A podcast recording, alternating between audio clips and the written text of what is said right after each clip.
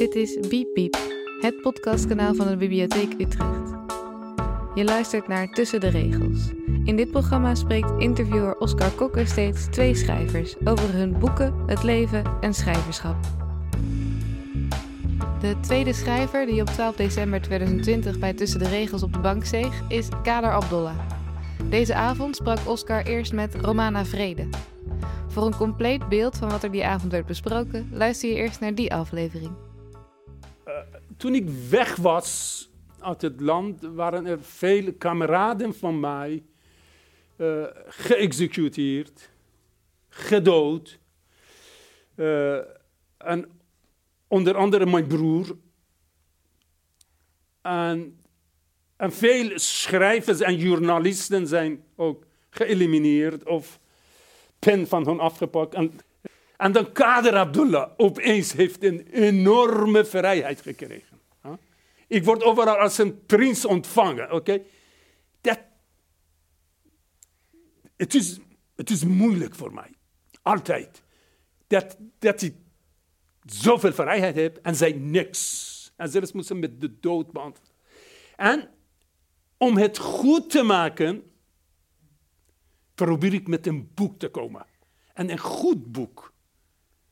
Gewoon om even in evenwicht te komen, moet ik met iets krachtigs komen. En een van hen is dat boek. Dat gevoel, dat, dit boek heeft me voor even een goed gevoel gegeven. Kader, je bent goed bezig. Je moet je, moet je niet...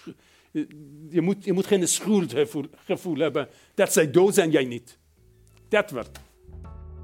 Je luistert naar Tussen de Regels, het tweede gedeelte van deze avond, met Kader Abdollah. Kader, welkom. Ik schenk je wat water in, alsjeblieft. Kader Abdollah, eh, heel fijn dat je hier wil zijn. Ehm, ook misschien maar eventjes aan jou de eerste vraag. eh, hoe, hoe, is het met je in deze wonderlijke tijden?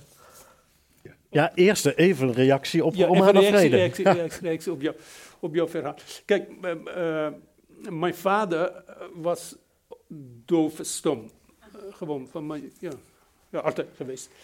En eh, ik, was, eh, ik, ik was de zoon van mijn vader. Ik bedoel, vroeger bij dove, stomme of blinde mannen vooral werd gewenst, een, een zoon gewenst, zodat hij als interpreter of als, als wandelstok kunnen ze gebruiken.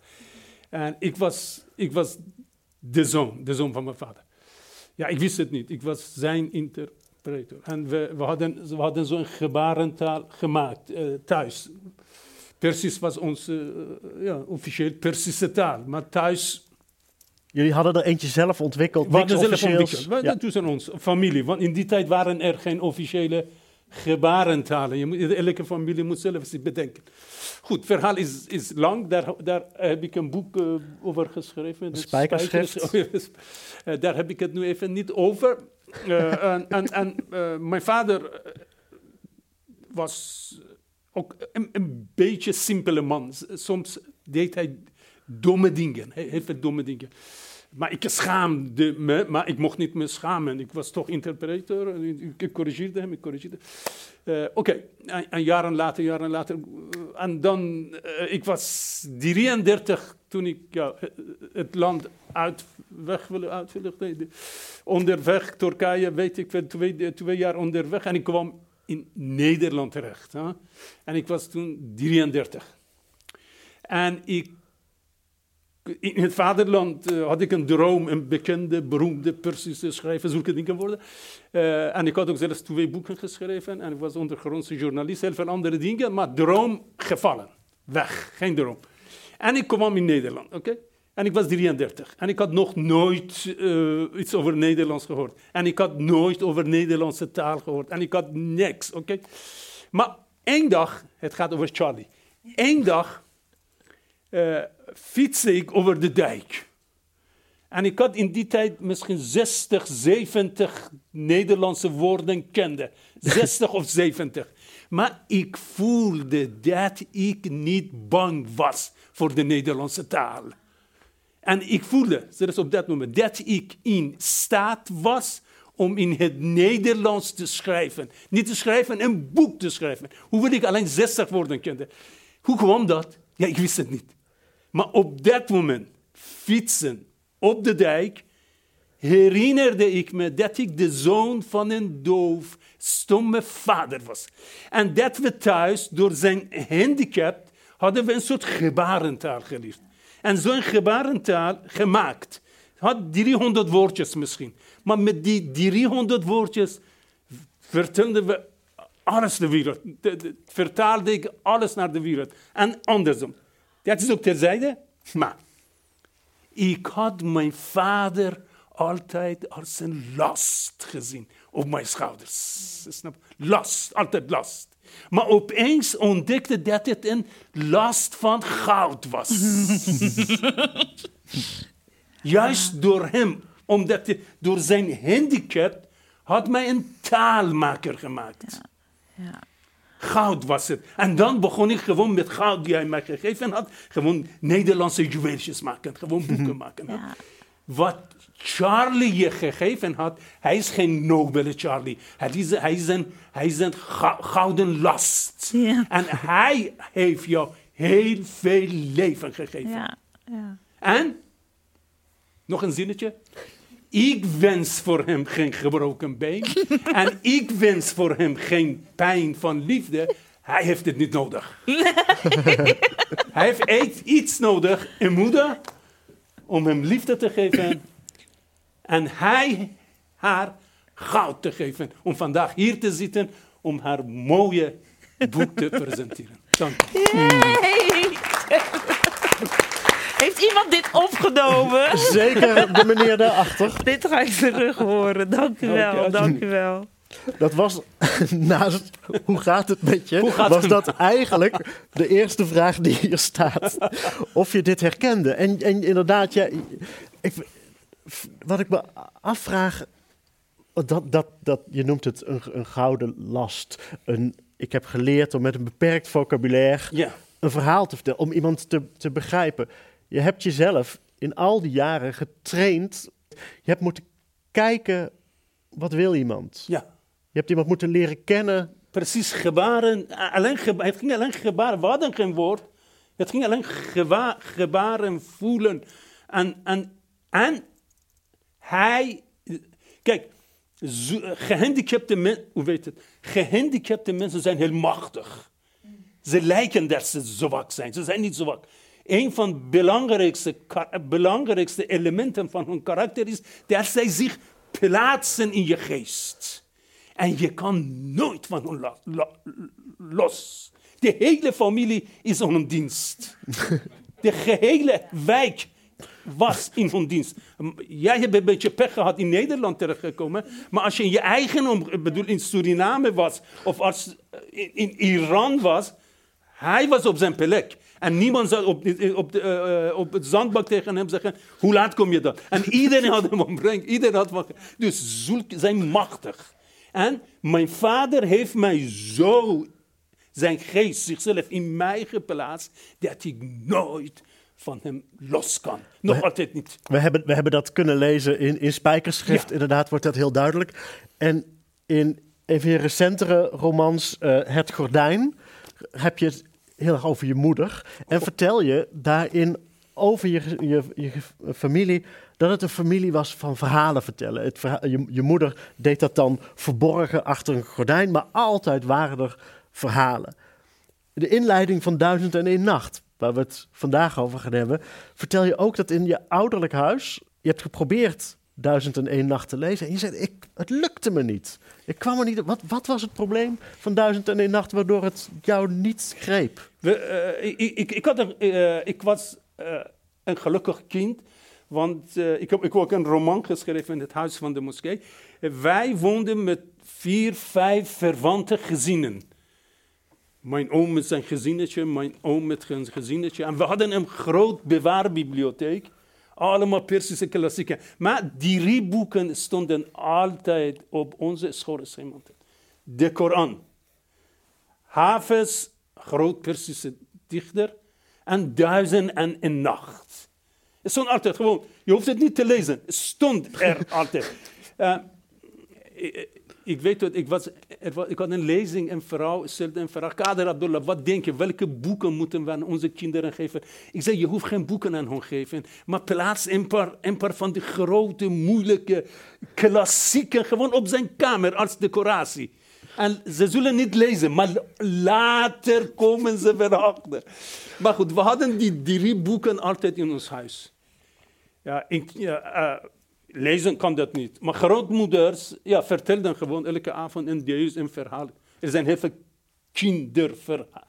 Ja, vertalen naar kinderverhalen of omzetten naar kinderverhalen. Uh, heel veel vogelsverhalen. Oké, okay. ze vertelden dit. En later in mijn puberteit probeerde ik het boek te lezen. Dat ging niet. Later in de universiteit probeerde ik dat te lezen. Dat ging niet, want ik was druk met ondergrondse bewegingen en zulke dingen. Later was op de vlucht. Later was Nederland. Later was Jip en Janneke. Later was Nederlandse taal. En, en ik heb die afgelopen jaren, jaren drie, vier keer een poging gedaan om dat boek te lezen. Maar het ging niet. Maar ging het dan gewoon echt om praktische redenen niet? Dat kwam er niet je kan het niet lezen. Dit is zwaar. Ja? Dit is een boek van 5000 pagina's. Er zijn zoveel rotzooi ingegooid. Iedereen, want het is een boek van duizenden jaren. Elke dynastie heeft iets aan toegevoegd. Later in de moderne tijd porno, pornoïsten, hoe zeg je nou pornolisten, pornoïsten, degenen die van porno houden, hebben heel veel porno in toegevoegd. Iedereen heeft iets alles aan toe. Zo'n dik geworden. En, maar het is een juweelverhaal, maar je kan het niet lezen. toen dacht jij, ik, weet je wat, ik haal, ik haal de bezem er doorheen, ik ga het zelf hervertellen. Ik begon hier in Nederland drie, vier keer in dit boek te lezen. Maar gelukkig, de tijd was het niet, nog niet zover. Opeens dacht ik, hé hey, Kade, het wordt laat. Je wordt, je wordt oud, je bent oud geworden. De dood staat gewoon voor de deur, achter de deur. En dan verschrikkelijk als een lezer, als een schrijver, vooral een Persisch, Persische Nederlandse schrijver, dat boek niet gelezen te hebben en doodgaan. Dat was verschrikkelijk. Iedereen had het over. Dat mag, maar jij niet. en dan maakte ik het open. Toen ik het las, had ik een probleem nu. Ik las het maar ik las het niet. Ik hervertel. Ik vertelde het door. En wie? En u. Dat was een, een soort ziekte is het niet. Het, het ging niet gewoon. Dat was gewoon autisme. Ik kon niet lezen. Ik las, maar ik vertelde het door. En ik dacht, nee, zo gaat het niet. En één avond, toevallig had ik met mijn uitgever op een, een café zitten drinken. En ik vertelde, ik heb een probleem. Ik, ik lees het en ik vertel het.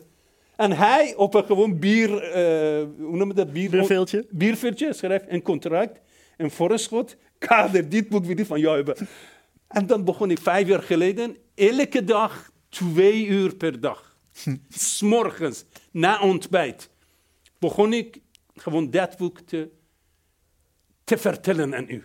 Maar het was niet toevallig. Bij mijn familie, er zit alles in jou bij mijn familie, zodra de mannen wandelstond pakten, bejaarden worden, en een wandelstond pakten, gingen ze in onze bewaarbibliotheek zitten. En ze pakten een Persische, oude Persische klassieker en ze begonnen het te, her, te vertellen, opnieuw te mhm. vertellen voor hun generatie, nakomelingen, voor, voor, voor mij, voor onze kinderen. En twee van mijn grootvaders hadden ze duizenden en nacht gedaan. Duizenden en nacht gedaan. En ik wist het niet. Ik wist het niet. Die vader was één keertje bij mij langs geweest. 25 jaar geleden. En hij had iets meegenomen. Dat wist ik niet. En hij, had het, hij had het gewoon in mijn boekenkast geplaatst. ik had hem vaker gezien. Mijn vader heeft dit meegenomen. Maar verder Prachtig, die is van mijn vader. Oh, die is van... Eh, tegen iedereen gezegd, die is mijn vader heeft meegenomen. Maar ik wist het niet. Hij had iets groots gedaan. Hij had de boeken van mijn, de, de hervertelling van mijn grootvader meegenomen, geplaatst. Dat ooit zijn zoon zou het aan u door te geven. Het was lotbestemming. Het moest. Het, moest, het, kan, het kan niet anders. En iets anders. Ja, er ik ga nog geen vraag meer stellen. Er, Nee. er is, Goed. er is iets anders, dat, dat zou ik van, vanavond hier vertellen, omdat corona wat, wat vroeg, je vroeg Weet ik ook niet meer. Dit, is antwoord op de vraag. Je vroeg, ja, hoe, is het, hoe is het met jou? Oh ja, dat Het- vroeg het, een gaat, half uur. het gaat goed met mij, weet je waarom? nou, vertel het. Maar kijk, ik heb zo'n eh 20, 23 boeken geschreven. Ja, dat is mooi, is goed. Goed kader, Abdullah. Maar kijk, wie leest nog Harry Mulisch? Hij was groot, hij is groot, hij is belangrijk. Maar wie leest het? Ja, misschien. Over 30 jaar. Niemand, oké. Maar wie zal Kader Abdullah lezen over 30 jaar in dit land? Ja, niemand. Maar ik heb een trucje bedacht. Ik heb een truc. Eén, ik heb de Koran op mijn eigen manier her... en dan, ik heb duizend en een nacht gedaan. Twee goddelijke boeken. Ik heb mezelf hier Mohammed, de, Mohammed de profeet, hier Shahzad de grote vertelster. en ik heb me tussen deze twee een beetje zo... En dan, ik blijf met, met deze boeken. We, we komen nooit meer van je af, Kader Abdollah. Wat heerlijk. Wat, een- wat een fijn vooruitzicht. Eh, uiteindelijk Kader Abdollah gewoon drie boeken van hem op de schouw. We hebben niks meer nodig. Niks meer nodig. Zullen, we- zullen we even duizend en één nacht. Heel veel mensen, ik ook, we hebben ervan gehoord. Maar ik besefte, pas toen ik het ging lezen, dacht ik... Ik weet er eigenlijk helemaal niks van. Ik weet dat in de Efteling Anton Pieck erop los is gegaan. Maar, maar hoe zit het nou toch eigenlijk? Het verhaal van een jonge vrouw, en echt jong, ze is 14 jaar volgens mij. 14, 15 jaar. Zij gaat uit eigen beweging, een dappere actie is het. Zij gaat naar een koning, een koning die bedrogen is. Koning is bedrogen, want zijn vrouw sliep met een knecht. Vanaf dat moment vertrouwt hij geen enkele vrouw meer. Elke vrouw in het land die moet één nacht met hem gaan slapen en daarna wordt de kop eraf gehakt. En zij denkt, wacht eventjes, voordat al die andere vrouwen aan de beurt zijn, ik meld mezelf aan, ik ga naar hem toe en ik ga in dat bed liggen, prima wat er gebeurt, maar ik vertel hem een verhaal. En ik vertel hem een verhaal met een cliffhanger, met een open einde, waardoor hij zal smachten naar een volgende nacht waarin ik hem nog een keer vertel. En zo rijgen de avonden, de nachten zich aaneen. Duizend en één, het zal niemand verbazen. Het is eigenlijk een beetje de, de, de uitvinding van het binge-watchen van de Netflix-serie, wat daar gebeurt. En het, het gaat maar door. Er zitten prachtige verhalen in, en eeuwen oud. En jij zegt zelfs, het, is een, het, het gaat over de oermens. En dat maakt deze verhalen zo mooi. Vertel, wat, wat is er zo prachtig? Wat voor verhalen komen we tegen? Ja. Kijk, duizend en een nacht. Iedereen heeft het over. Ik bedoel, iedereen heeft het wel gehoord. oké?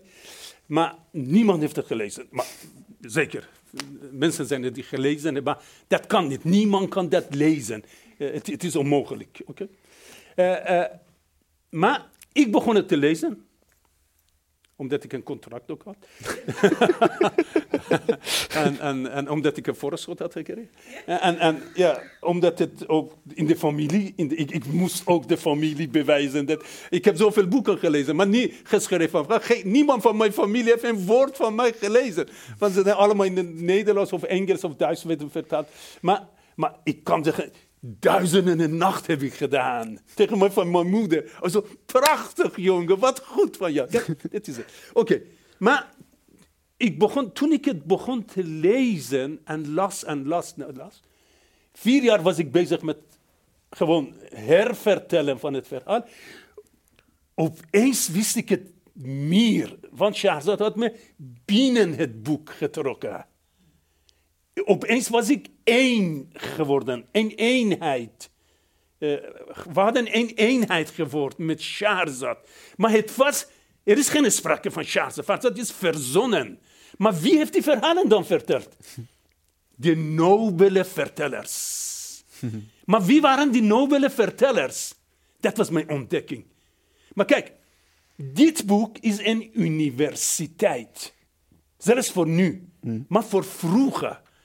Toen er geen universiteiten, geen boeken, geen, ja, voor gewone mensen, geen alfabeten voor gewone mensen, geen schriften. Mensen kunnen niet lezen, mensen kunnen niet praten. En de nobele mensen hebben geprobeerd de ervaringen van het leven over liefde, dood, verdriet, autisme, wetting, allemaal in lessen, verhalen bedacht om die lessen door te geven aan de volgende generaties. Ja. Huh? Die heb ik ontdekt. En dan, de belangrijkste, allerbelangrijkste dingen van die verhalen zijn dat het, ga, het zijn niet verhalen. Men denkt ja, Aladdin en, en uh, of, of uh, uh, de, hoe noem je dat met, met wonderlamp, Aladdin met wonderlamp of Alibaba met 40 rovers. Allemaal bijzonder mooi, maar er zit heel veel geschiedenis in. Er is heel veel geschiedenis, er is heel veel gebeurd. Al die personages zijn geen, geen bedachte, verzonnen personages. Ze zijn allemaal historische namen. Ik wist het niet.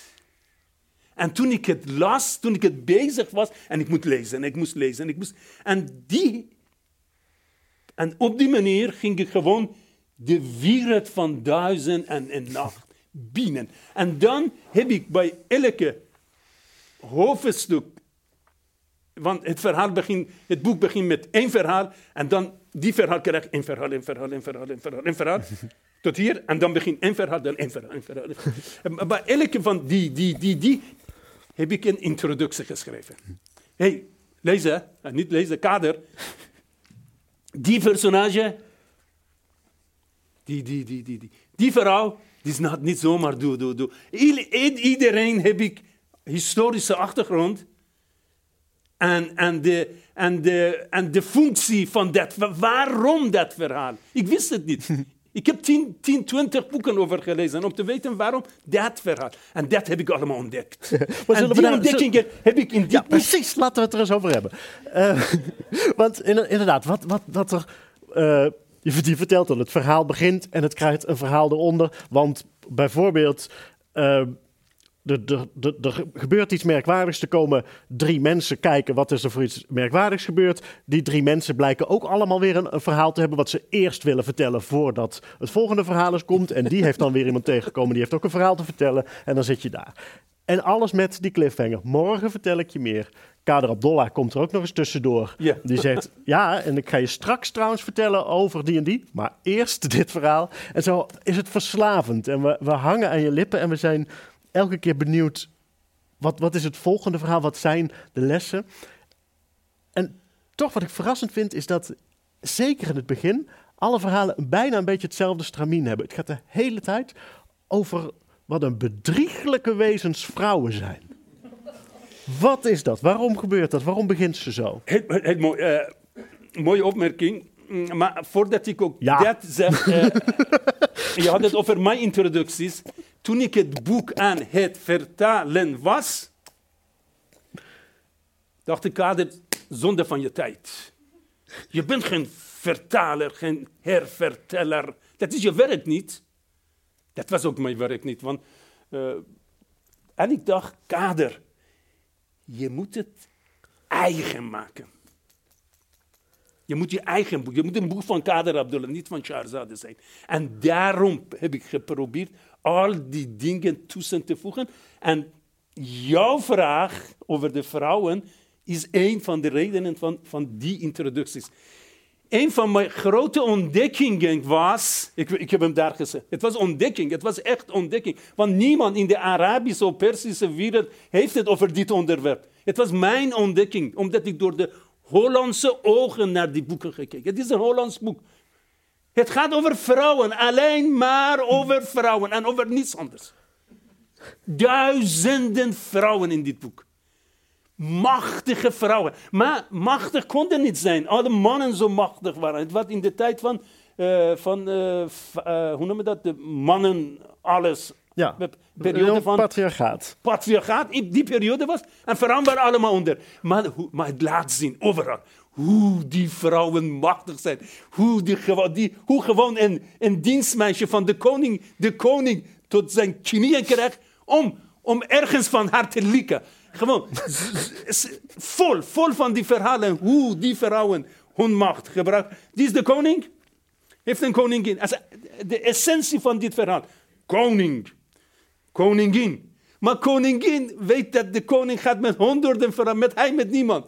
Maar zodra de koning de deur uitgaat, gaat, roept, "Sst, komen. En komen al die slaven langs en, en, ze gaan allemaal, elke nacht, met de koningin in bed.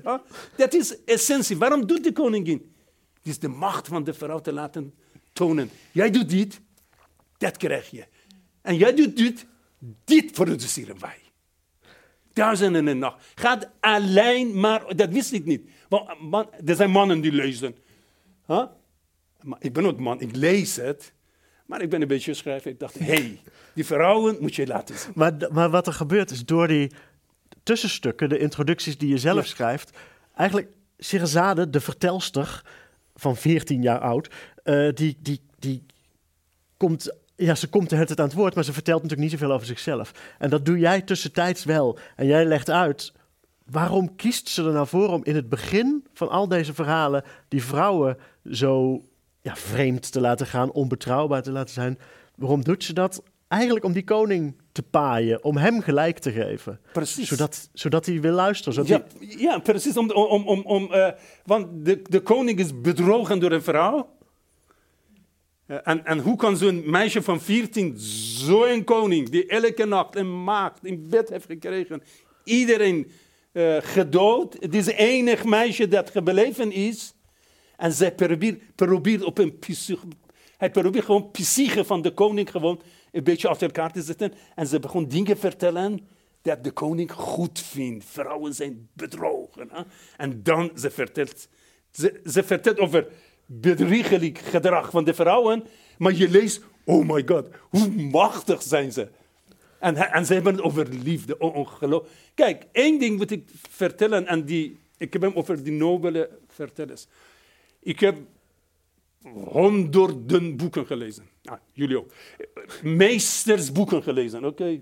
Van Gar Gabriel Garcia Marquez, van Hemingway, van ieder, iedereen, Faulkner, ieder, iedereen die... En, en alleen die eh, vrouw van, eh, eh, hoe noem je dat, die Britse vrouw met kinderverhalen met zoveel... Harry Potter, J.K. oh my god. Al die verhalen, al die verhalen zitten in duizenden en nacht. Kijk, eh, Hemingway, ma masterwerk, gaat over A Old Man in the Sea. Er komt opeens een, een, een, een, eh, een, zo'n man om, om een vis, en komt een enorme vis, en dan vis direct die man. Eh, Ze staat precies in het, in het boek. En al die magische verhalen van 100 jaar eenzaamheid van Gabriel Garcia Marquez. De woord is gewoon in de eerste 30 pagina's. Het staat allemaal daar, daar. En al die magische dingen van Harry Potter. Die zijn allemaal hier. En eh, ik, zeg, ik wil niet zeggen dat het van dit is. Het is van de mens. De mensheid heeft, is altijd bezig geweest met zulke prachtige, prachtige dingen. En dat fascineerde mij. En dat vond ik, oh God, ik moet iets geven aan de Nederlandse taal. En, en, en, en, en dat, heb ik, dat heb ik gegeven. En, eh, en eh, ik zei, dit boek was niet leesbaar. Ik geef een voorbeeld. Meisje is 14, 15 jaar oud. Oké? En dan ze gaat, ze heeft nog door niemand aangeraakt, door, behalve door de koning. En, en, en dat is in een van die verhalen vertelt porno. Vreselijk porno.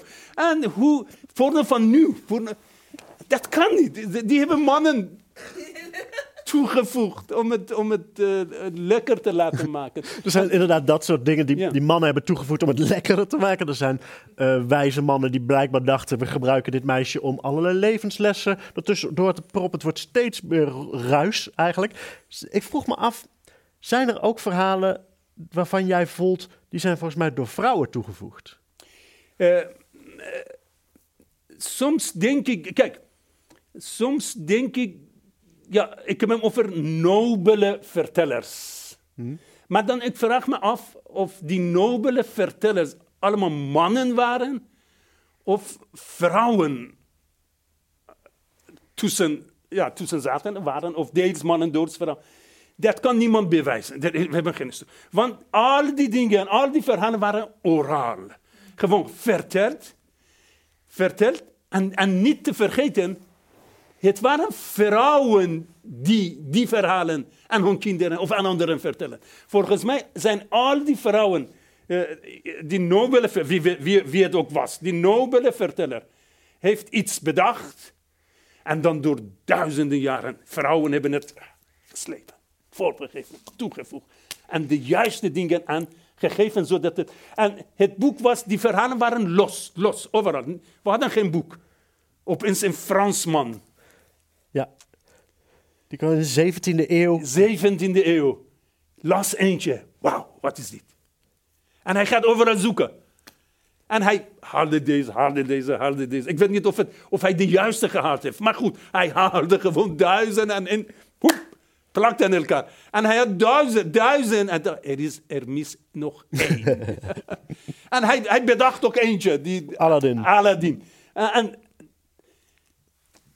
duizend jaar vechten, Persen en de Arabieren met elkaar. Persen zeggen, duizend en nacht is van ons. Arabieren, die is van ons. Nee, die is echt. Je moet gewoon Persisch kunnen lezen. Er zijn boeken zo groot over geruzie tussen Arabieren en Persen. Maar ze zijn niet van Arabieren, het is niet van Persen, het is van ons. Van ons allemaal. En het bekendste verhaal is nota bene door een westerling eraan toegevoegd. Ja. Ook vrij. Wat is jouw favoriete verhaal? Wauw. mijn, mijn favoriete verhaal is gewoon, eh, het moet nog komen. eh, eh, Ja, want dit is pas deel 1, hè? die is deel 1. Ja. Ja, maar, maar ja. goed, je hebt genoeg. Je hebt genoeg. Nee, ik, ik, heb, ik heb gezegd, als het leven mij toelaat, zal ik het laten vertellen. Maar Sjaard zelf gezegd, tot hier en de rest, volgende nacht. Dat, dat hoeft eigenlijk niet. Is, je hebt genoeg gehad. Je hebt genoeg gehad. Niemand kan het lezen, dat hoeft niet. Oké, maar mooiste verhaal is, de koning haalt een meisje binnen, 14, 15, en hij wil met haar slapen en dood. hè? Maar meisje, gedurende vertellen van die verhalen, raakt drie keer zwanger. Drie prachtige kinderen. En één van hen wordt de koning. Dat is het mooi. Dat, dat heb ik over vrouwen. Dit is de macht van de vrouw, van een meisje van 16, 15, die van zo'n tiran zwanger raakt en, en wordt queen, Ja. koningin. Dat vond ik mooi. Het is een ode aan de verbeelding. Is een ode aan de kracht van verhalen. En het bewijst, of het, het, het symboliseert ook hoe verhalen je onsterfelijk kunnen maken. In dit geval letterlijk. Door te vertellen, te vertellen, te zorgen dat iemand aan je lippen hangt. Laten ze haar leven. En ik was benieuwd. Speelt die gedachte. Jij zei net aan het begin van. Ja, de, god, ik word, word, word wat ouder. De dood die staat daar, daar in het halletje op me te wachten. Denk jij, als ik nou maar zoveel mogelijk verhalen nog achter de hand hou. Als ik nog maar de mensen bezig hou, dan mag ik blijven. Dan, mag, dan wacht de dood lekker in het halletje. Eh, van. eh, wie, is, wie is de schrijver van, eh, een, van Knielen voor Violen? Jan Siebelink? Jan Siebeling. Eh, Jan Siebeling hou ik niet van zijn verhalen, behalve één boek. Eh, eh, eh, maar één zin van hem heb ik onthouden. Ik, ik, mag, ik, ben, ik ben bevriend met, ik mag hem. Maar, Maar hoe heet hij ook alweer? ja, moet je. Ik heb ook tegen hem gezegd, niet, niet achter. Ik weet het nog, eh schrijver van Turks Vrouw. Mijn, dochter, mijn dochter was 14 of 15. Ik, ik bracht haar voor lezing van, van de schrijver. En, en ik, kocht een boek en ik laat hem voor haar signeren. En ik zeg, kijk, dochter, ik hou niet van zijn boeken. Ik, hou niet van dit boek, maar je mag het hebben. En Jan Siebeling ook. eh, ik heb alleen één roman van hem, vind ik fantastisch. De rest kan ik niet lezen. Ik heb ook tegen hem zelf gezegd, hij was thuis, ik, ik hou van jou. Voor, voor één zin. Hij zei tegen mij, de dood staat achter de deur, maar zolang ik zit en ik schrijf, durf hij niet naar binnen komen. En ik jij- hou van hem. Gewoon alleen voor die zin. Je hoeft niet honderden boeken te schrijven. Gewoon één, één zin is, genoeg. Heb jij zelf, dat, kijk, wat, wat hier gebeurt, is er een verteller en iemand anders hangt Ja. aan de lippen. Ben jij zelf tijdens het schrijven ook de hele tijd nog benieuwd naar jouw volgende zin? Ben je, Absoluut. Als het niet zo is, is het mislukt boek. ja? Je moet, je moet, zeker, je moet zeker benieuwd zijn. Eh, ik, ik, 's morgens ga ik wakker. Ik ga, gaan we kijken wat we krijgen. Weet je, dat, dat is het. Anders, anders is het mislukking. Anders, anders lezers kan ik dat niet hebben. Onge, ongetwijfeld. Je moet, het, je, moet, je moet dit hebben. Anders, anders lukt het niet. Kijk, eh, mijn dochter, eh, iemand zei, wil je ook schrijfster, schrijver worden? En zei, nooit. Ja, waarom niet? Ja, ik heb mijn vader gezien. Altijd boven, saai, doodmoe. Het is absoluut niet saai. Wie zegt dat het saai is? Het is wonderlijk. Dit is, dit is gewoon, je begint, je hoeft geen Netflix te hebben. Je produceert zelf Netflix. je creëert verhalen. Je gaat hier. Vijf jaar zit je in dat boek. Dit is saai. Nooit geweest. Je hebt eh, in Iran natuurkunde gestudeerd. Ja, ja. Heb je ooit nog eens eh, spijt dat je niet nu hier natuurkundige bent? Ik ben eh, heel trots op mezelf dat ik natuurkunde heb gestudeerd. Want het was een, iemand, die niet, iemand die van aard en letterkundig genen heeft, moet nooit natuurkunde gaan leren of, of moderne wiskunde. Dit is verschrikkelijk. Eh, ik heb vijf jaar in universiteit moest ik huilen om moderne, moderne wiskunde te, te, te- want ik, ik kan niet onthouden, ik moet bedenken. Ja, maar eh, die, die exacte wetenschap moet je onthouden. Een formule kan ik niet onthouden. Ik moet het zelf een formule bedenken. Hè? Dat was mijn probleem. Maar goed, ik heb hem gehaald. Ik heb mijn diploma gehad. En universiteitsdiploma gehad. Ook jaren gewerkt. Maar, eh, maar nooit later van gebruik gemaakt. Maar nu, ik geniet ervan.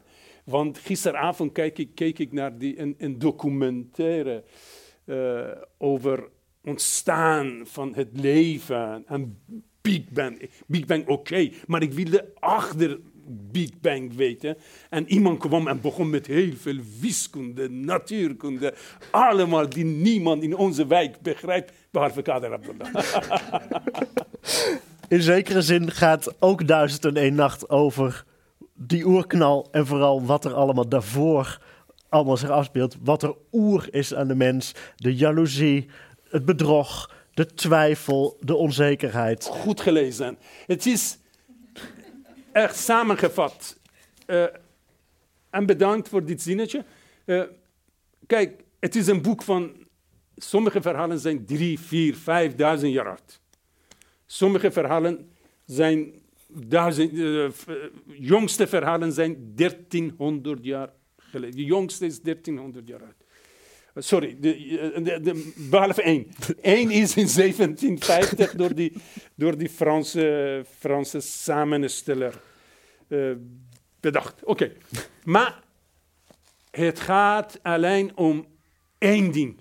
Niks verandert. En die is de meest essentiële dingen dat de mensheid mee bezig is. De dood, liefde, verraad, seks en, en, en, jaloezie en, en, en lot. Lotbestemming. Dat is, ik, heb, ik heb zelfs ook een introductie over lotbestemming. Laat het toch. Doe, alle personages doen alles, maar op een gegeven moment zeggen, moeten ze loslaten. Loslaten, want je bepaalt niet alles. Het is zo leerzaam en dat is niet veranderd. En jouw lot was dit boek schrijven. Mijn lot was. ik hoop dat het niet alleen bij dat blijft.